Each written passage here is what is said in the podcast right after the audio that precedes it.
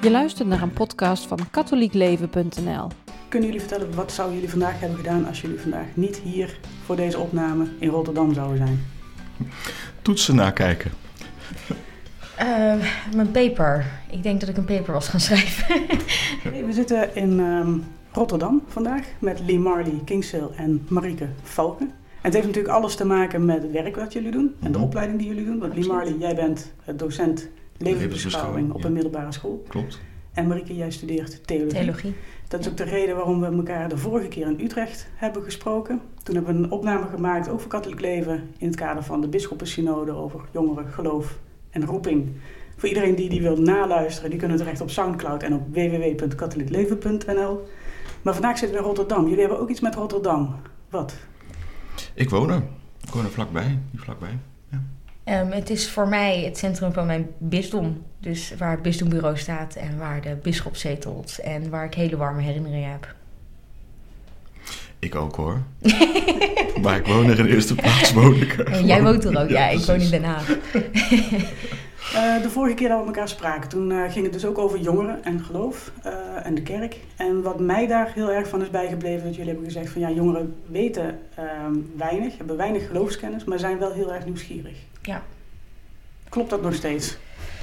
Ehm, ja, daar, ik, ik beaam dat nog steeds. En ehm, het is ook niet dat ze weinig willen weten, want dat zit dus in die nieuwsgierigheid. Ze zijn wel duidelijk op zoek en hebben een hoop, hoop vragen. Ehm, maar je merkt toch dat de algemene kennis over ook de, de praktische zaken en de ins en outs van de, van de kerk en het geloof, dat die gewoon minder aanwezig zijn. En dat je die inderdaad niet meer kunt veronderstellen als basiskennis. En hoe merk jij dat? Want jij bent actief in de progie. Ja, dus ik geef eh, zowel lessen aan de vormelingen als aan de communicantjes. En je merkt vooral bij de vormelingen dat dat vorm krijgt ehm, in, in, in specifieke vragen die ze stellen. Soms rond hele praktische dingen als wanneer moeten we nou staan, zitten en knielen tijdens een viering? Eh, waarom doen we bepaalde handelingen? Eh, maar hoe, hoe, moet ik, hoe moet ik kijken naar de Eucharistie? En dan vraag ik altijd: waarom denk je dat ik weet hoe jij moet kijken naar de Eucharistie?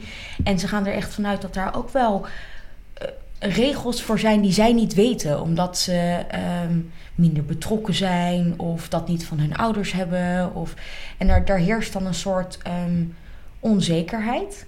Maar ik merk ook wel dat ze, ehm, dat ze veel meer op zoek gaan naar diepere antwoorden eh, rond bijvoorbeeld eh, relaties, seksualiteit eh, en grote ethische vraagstukken. Hoe kijkt de kerk daarnaar? Want het is wel het geloof waar ik mij wil identificeren. Maar is het dan erg dat ik het er wel of niet mee eens ben? Dus zo krijgt het bij mijn vormelingen ook vooral ja, vorm. Ik weet niet hoe dat bij jou vorm krijgt, uh. Ja, in een iets wat bredere zin merk ik dat mijn leerlingen, die dus niet specifiek van een katholieke achtergrond zijn, dat zij wel op zoek zijn of verlangen naar zingeving. Mm. Maar dat ze dat niet. ehm, eh, dat ze dat niet tegenkomen, dat ze dat niet vinden makkelijk. En dat religieuze eh, instituten, dat die eh, niet per se voor hen eh, zingevend zijn vanwege de informatie die ze daarover hebben. Dus zij zien een kerk of welke andere religieuze stroming dan ook, vooral als een groep mensen die bepaalde regels volgen. Eh, met name die bepaalde dingen in hun leven niet doen. Hè? Oh, als je naar de kerk gaat, dan mag je niet dit, dat, zo. Eh, en ze maken dus moeilijk die vertaalslag naar, naar de kerk gaan of naar een ander religieus gebouw gaan als een plek waar je ook zingeving vindt. Eh, en dat is denk ik een probleem. Dat is denk ik een probleem. Tegelijkertijd zijn ze er wel naar op zoek.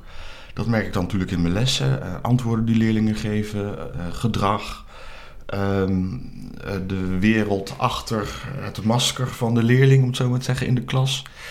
Als je iets wat meer informatie over leerlingen krijgt, dan hoor je toch ook wel dat er, ja, ja, dat er verlangen is naar zingeving. Heeft mijn leven zin? Dat is een grote vraag.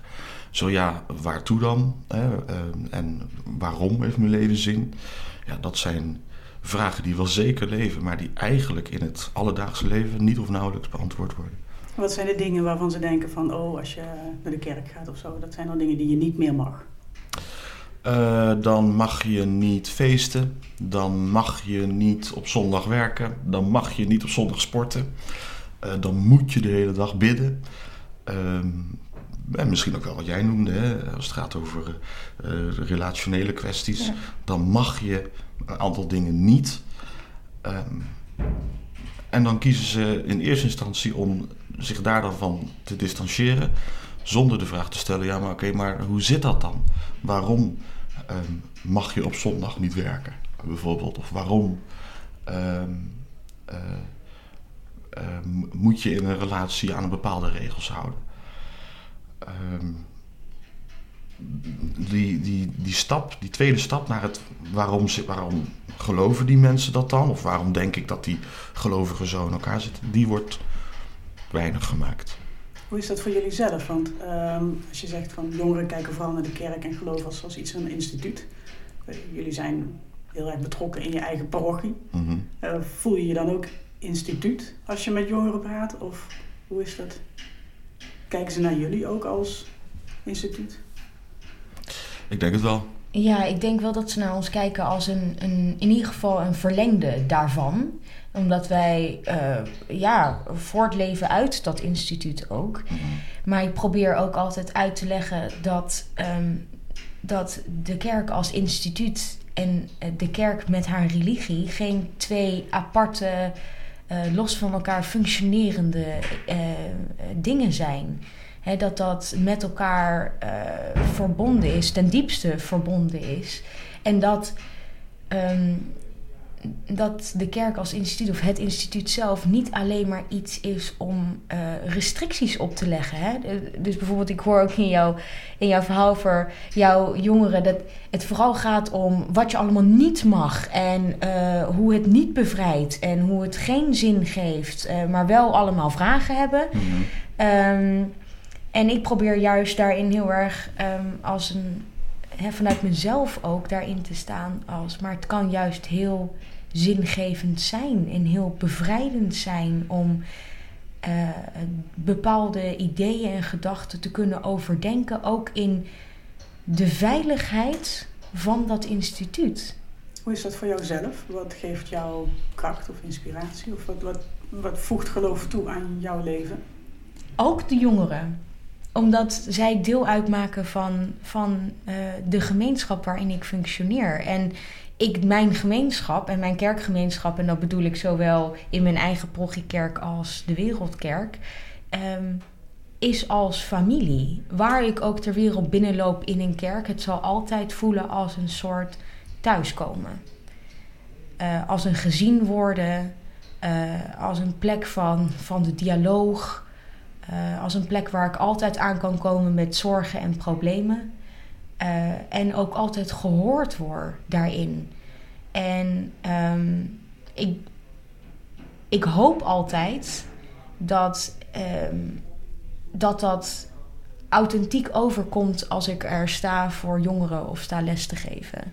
En dat dat is wat ik uitdraag. Want het is zo belangrijk voor mij.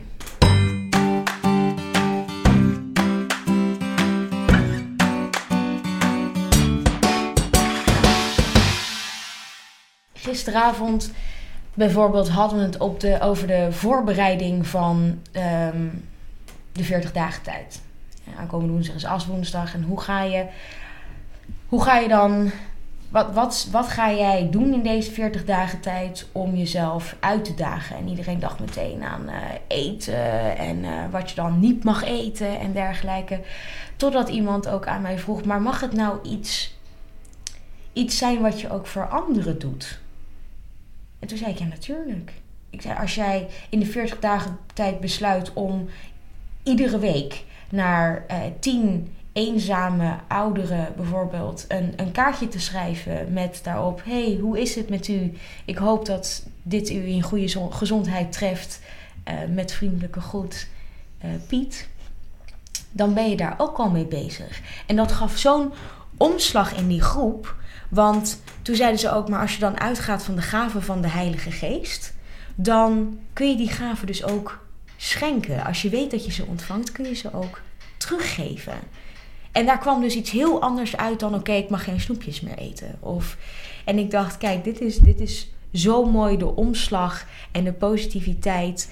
Ehm, en de realisatie ook dat wat je zo mooi zelf ontvangt en wat je zelf haalt, uit dat geloof en die kerk, dat je dat ook zo ja, makkelijk ehm, kunt teruggeven en kunt uitdragen. Ja, ik moest denken aan het lied van God heeft het eerste woord. Oh, ja. Er zit een strofe in, oorsprong en doel, oorsprong en, doel en zin. Ehm, dus God zien als mijn oorsprong, bron van mijn zijn, bron van zijn van alles en iedereen. En tegelijkertijd ook doel, dus daar waar ik naartoe reis, en zin. Dus wat ook betekenis geeft aan alle dingen in mijn leven.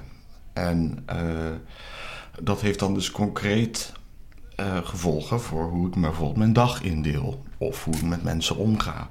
Of hoe ik in de kerk zit. Hoe zit het bijvoorbeeld met mijn gebedsleven? Ja, praat ik wel met God? Um, nou, ik moet eerlijk zeggen dat dat soms te weinig is. En in de 40 dagen tijd is een goede periode om uh, daar toch bewust van te zijn, maar daar ook iets aan te doen. Dus dat is dan weer zin. Hè? Dus, maar tegelijkertijd ook praat ik met God, maar ben ik ook ontvankelijk voor watgene wat God tegen mij zegt. Uh, zie ik God bijvoorbeeld in de, in de dagelijkse praktijk, tijdens een interview of in een tram of op school uh, of thuis. Dus daar probeer ik dan ook op te letten. Dus uh, spreekt God tot mij bijvoorbeeld via een leerling, dat kan. Um, zie ik in leerlingen het beeld van God. En ga ik aan de hand daarvan dan ook dusdanig met hen om? Of zijn het 31 eenheden die aan het einde van een bepaalde periode een bepaald gemiddelde moeten halen voor een zoveelste rapport? Omdat de school uh, zoveel uh, procent van de, eh, omdat er zoveel procent van de leerlingen moeten overgaan en uiteindelijk goede cijfers moeten halen. Dus er zijn verschillende manieren van kijken, betekenis geven, dus zin geven en dus ook handelen.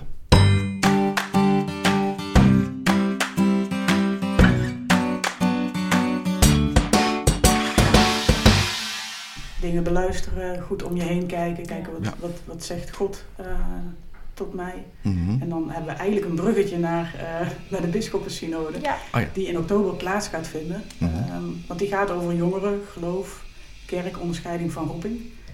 Um, de katholieke kerk bereidt zich momenteel voor op die synode. Mm -hmm. um, wat zien jullie daarvan in jullie omgeving? Leeft het onderwerp jongeren en geloof? In het kader van deze synode? Ik zou het wel uh, iets meer willen, terug willen zien. Uh, ik weet dat er bijvoorbeeld een tekst uh, beschikbaar is. Hè, die tekst hebben we hier ook liggen, met een vragenlijst. Uh, ja, ik denk dat het, dat het goed zou zijn geweest als ik in de parochie toch misschien wat duidelijker, ehm, ja, dat ik toch misschien wat duidelijk terug zou zien dat ik A, die tekst ter beschikking zou kunnen krijgen. En B, dat er over gesproken zou kunnen worden met meerdere jongeren. En C, dat ik dan ook die enquête in kan vullen. Um, en D, dat ik hem ook op zou kunnen sturen. Ja, ik zou er iets wat meer van willen zien. Dat kon allemaal trouwens. Dat kon allemaal, maar ja. Ik, heb, ja, ik zou er iets wat meer van uh, yeah. willen zien. Ja. ja, ook omdat ik denk dat het, het kan ook allemaal. Het kan nog steeds allemaal. En het is ook nog steeds allemaal mogelijk. En dat betekent ook niet dat niemand het doet. Het is alleen um, in de aankondiging hiervan uh, merkte ik ook in mijn eigen progie, maar ook wat breder in andere progies, dat mensen niet eens weet hadden van het feit dat dit online stond. Dus niet alleen het document, maar ook de vragenlijst. Dat daarbij ook de concrete vraag was of alsjeblieft zoveel mogelijk jonge mensen dat willen invullen. Mm-hmm. En dat er vervolgens iets van een voor- of een nabespreking is of was.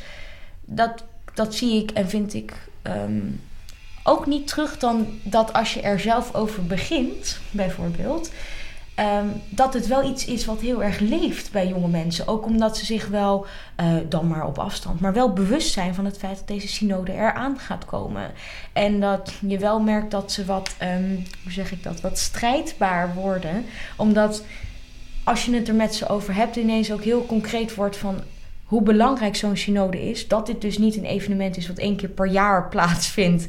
Ehm, en dat dit misschien een van de, eh, een van de eerste kansen, goede, concrete kansen is in tijden dat we ons echt duidelijk kunnen uitspreken. Ehm, dus ik zou daar misschien ook concreet wat meer van willen terugzien in de praktijk. Omdat ik denk dat het zo belangrijk is om dit nu te doen. Want jullie hebben de tekst bij de hand. Ja, Ja. Jullie hebben een aantal passages eh, eruit lichten. geselecteerd en kunnen aangeven wat erin staat. En, en wat jullie daarin aanspreekt en waarom jullie deze, deze teksten hebben gekozen. Ja, nou in de inleiding, eh, op bladzijde 3, Van de 27. Ehm, wordt eh, de. Even kijken hoor. Eh, worden er twee leerlingen aangehaald die Jezus volgen. Dat zijn eh, eigenlijk dus die jongeren, om het zo maar te zeggen, die zoeken naar zingeving, betekenisgeving. Hè, dat wel een verlangen hebben. Ja. En ehm, die toch misschien een beetje schuchter eh, achter Jezus blijven en hem achterna gaan. Uiteindelijk ziet hij dat, hij, of op een of andere manier ziet hij dat. Hij, hij draait zich om, ziet, hen dat, ziet dat eh, zij hem volgen. En dan vraagt hij hen, wat verlangt ge? En dan zeggen zij, eh, we willen zien waar u eh, verblijft. En dan zegt hij tegen hen, nou, ga maar mee om het te zien. En dan gaan ze met Jezus mee en dan blijven ze daar de hele dag, tot het tiende uur. Ehm, dus ik, dat geeft denk ik kernachtig de, de inleiding weer van de, eh, de, de, de situatie waarin volgens ons dan heel veel jongeren eh, zich bevinden. Dus wel het verlangen naar de Heer. Ehm, misschien niet weten van nou, waar kunnen we hem dan vinden of, of hoe dan en zo. Welke vraag moet ik nu als eerste stellen? Exact. En eh, nou ja, eh, dat Jezus eigenlijk zegt, ja, kom maar gewoon met me mee, volg me gewoon. En dan zie je en het zie maar. Ja. Ja. Jullie zijn 25, Imbriek, jij bent 25. 25 jaar. En Limar is 30. Zien jullie bij de jongeren met wie je nou te maken hebt dat het al heel anders is dan hoe je zelf, de tijd waarin je zelf opgroeide? Is die druk toegenomen? Eh, ja, Ja. Door, eh, door alles wat er op hen afkomt. En dan niet per se de verwachtingen die er zijn van- door de volwassenen. Maar eerder de verwachtingen die ze scheppen tegenover zichzelf. Eh, door middel van sociale media. Dus ehm, in hoofdstuk 2 inderdaad even terugkoppelend daar naartoe, terugkoppeling maken naar het hoofdstuk 2, wordt er inderdaad gesproken over een, wat ik dan noem zogenaamd economisme. Dus dat eh, eigenlijk elk onderdeel van het leven geëconomiseerd wordt. Hè? Dus met geld te maken heeft en geld uitgedrukt wordt. En dat je maar succesvol moet zijn. Waarom? Om zoveel mogelijk geld te verdienen. Als je zoveel mogelijk geld verdient, kun je zoveel mogelijk consumeren. En als je zoveel mogelijk consumeert, dan word je gelukkig. Ja. Niet dus blijkbaar. Dat zien we terug bij mensen die bijvoorbeeld depressief worden. ehm, of eh, ja, toch mensen die op een gegeven moment eh, de top bereiken binnen een bepaald bedrijf, maar toch eh, terugvlak, terugvallen. Je ziet ook aan de enorme ehm, groei van spirituele bewegingen. Bij mensen die 40 zijn en zo, 40, 50. En mensen die ineens gaan zoeken naar wat, wat geeft mijn leven toch weer zin. Ehm, jongeren hebben daar dus nu ook al mee te maken. Ook omdat, denk ik, eh, dat denk ik me nu ineens, ook het onderwijs op die manier ingericht wordt. Ja. Heel zakelijk. Hè? Wat presteert een school? Als ik mijn leerling op deze school zet, eh, presteert hij dan goed? En is hij dan goed voorbereid op de arbeidsmarkt? Lees arbeidsmarkt. Arbeidsmarkt, niet het leven, maar de arbeidsmarkt. Ehm, dat maakt dat leerlingen, ja, dat jongeren in een bepaald kader worden geduwd, al heel snel. Ehm, en daarnaast, dus met die sociale media, en, en we noemden het eerder al Snapchat, Instagram, Facebook, het plaatsen van allerlei succesvolle vakantiefoto's of allerlei eh, mooie foto's van jezelf, wat ook weer leidt tot soms verschrikkelijke situaties als het gaat over eh, foto's die te intiem kunnen zijn. Ehm, die druk om constant te moeten presteren, eh, dat kenmerkt denk ik de, de, dus de, de wereld waarin jongeren leven. En die sociale media hebben dat denk ik wel ehm, heftiger gemaakt dan Ja, in de tijd dat ik eh jongere was. Op welke manier is dan zo'n bisschoppensynode, dat is misschien heel ver weg, in, in Rome Mhm. vindt het plaats, maar op welke manier is zo'n synode dan misschien voor parochies toch een kans om eh, jongeren op een andere manier, op een nieuwe manier te betrekken bij de kerk? Nou, Allereerst door het eh, goed en structureel uit te voeren. Dus eh, wanneer je jongeren echt het idee geeft van hé, hey, onze mening of onze visie telt mee, of er wordt iets mee gedaan. Niet alleen eh, in de progie, maar wereldwijd. Hè? Waardoor ze ook het gevoel krijgen, hé, hey, we maken dus deel uit, daar heb je het weer, van een wereldwijde gemeenschap. Eh, dan, daarmee verhoog je al het, het idee dat zij gehoord worden. En daarmee dus ook automatisch de bereidheid om betrokken te worden in een parochie of misschien wel diocesaan niveau of op andere niveaus. Ja, en, en um, het gehoord en gezien worden, nou dat staat wel centraal, hebben we inmiddels vastgesteld. Ja. En um, op zo'n synode komen natuurlijk uh, bisschoppen uh, samen van alle uithoeken van de wereld. Um, en ik denk dat als jij je uit over wat er in je eigen land of je eigen progie of je eigen bisdom gebeurt en dat wordt meegenomen daar naartoe, dat je zeker de culturele verschillen zult merken. Hè, van oké, ja, dat, dat wordt wel anders ingericht of daar zijn meer of minder mogelijkheden. Maar ik denk dat er ook heel mooi een algemeen beeld geschetst kan worden over wat nou precies de drijfveer is van een jongere in de 21ste eeuw. Van die jonge mens waar ongeacht achtergrond of uh, cultuur of hè, invulling van dat geloof, um, toch wel dezelfde drijfveer in zit van uh, bezieling, van gehoord en gezien worden, van. Um, ja, van ergens bij willen horen en ook bereid zijn om daar wat voor te doen, um, maar wel op hun eigen manier. Dus niet meer in uh, de pasvorm die er al is, want daar identificeren zij zich niet meer mee. Um, en ik zie dat jij net naar pagina 8 bent gegaan en daar staat ook een zin in um, die ik zo ontzettend belangrijk vind. Hè? En dat is vanuit een gesprek in Villa Nazareth, waarin wordt gezegd: neem een risico, neem een risico. Wie geen risico aangaat, zal niet vooruit gaan. Maar nu wat als ik me vergis? Gezegend zij God. Je zult je meer vergissen als je stil blijft staan. Niet alleen vanuit de jongeren, maar vanuit iedereen denk ik dat het erg belangrijk is om het risico met elkaar te nemen. Het risico dat je elkaar misschien niet begrijpt, dat je zelfs de, elkaars taal niet spreekt. Hè, op, en dan bedoel ik ook echt op parochiale basis. Dat je misschien niet zo goed weet wat je aan moet met je jongeren. Want ja, eh, die filmavonden die zijn gewoon niet zo heel erg populair. Uh, dus wat nu? Um, maar dat je daarin wel elkaar een hand probeert te reiken. En een hand probeert uit te steken naar elkaar, die dialoog wil aangaan. En daarin een gezamenlijke taal wil vinden. He, misschien ook wel in, in een soort verlengde naar de synode toe. Want daar zit in principe ook een grote groep mensen die in gesprek gaan met elkaar over al deze vragen. Is maar te blijven praten erover. Hou contact met elkaar. Neem het risico om die dialoog aan te gaan en niet te weten wat je einddoel is. Maar misschien onderweg doelen te creëren met elkaar. Um, en onderweg te kijken dat, oké, okay, ik ben jong en sta zo en zo in de maatschappij en kom hier vandaan en wil graag dit van mijn kerk, maar u, bent al, u functioneert al in die kerk of jij functioneert al in die kerk en heeft daar ook bepaalde verwachtingen bij. Hoe kunnen we dat nou samenbrengen? En hoe kunnen we vooral hè, vooruit blijven bewegen en niet stil blijven staan? Dit was een podcast van katholiekleven.nl. Bedankt voor het luisteren.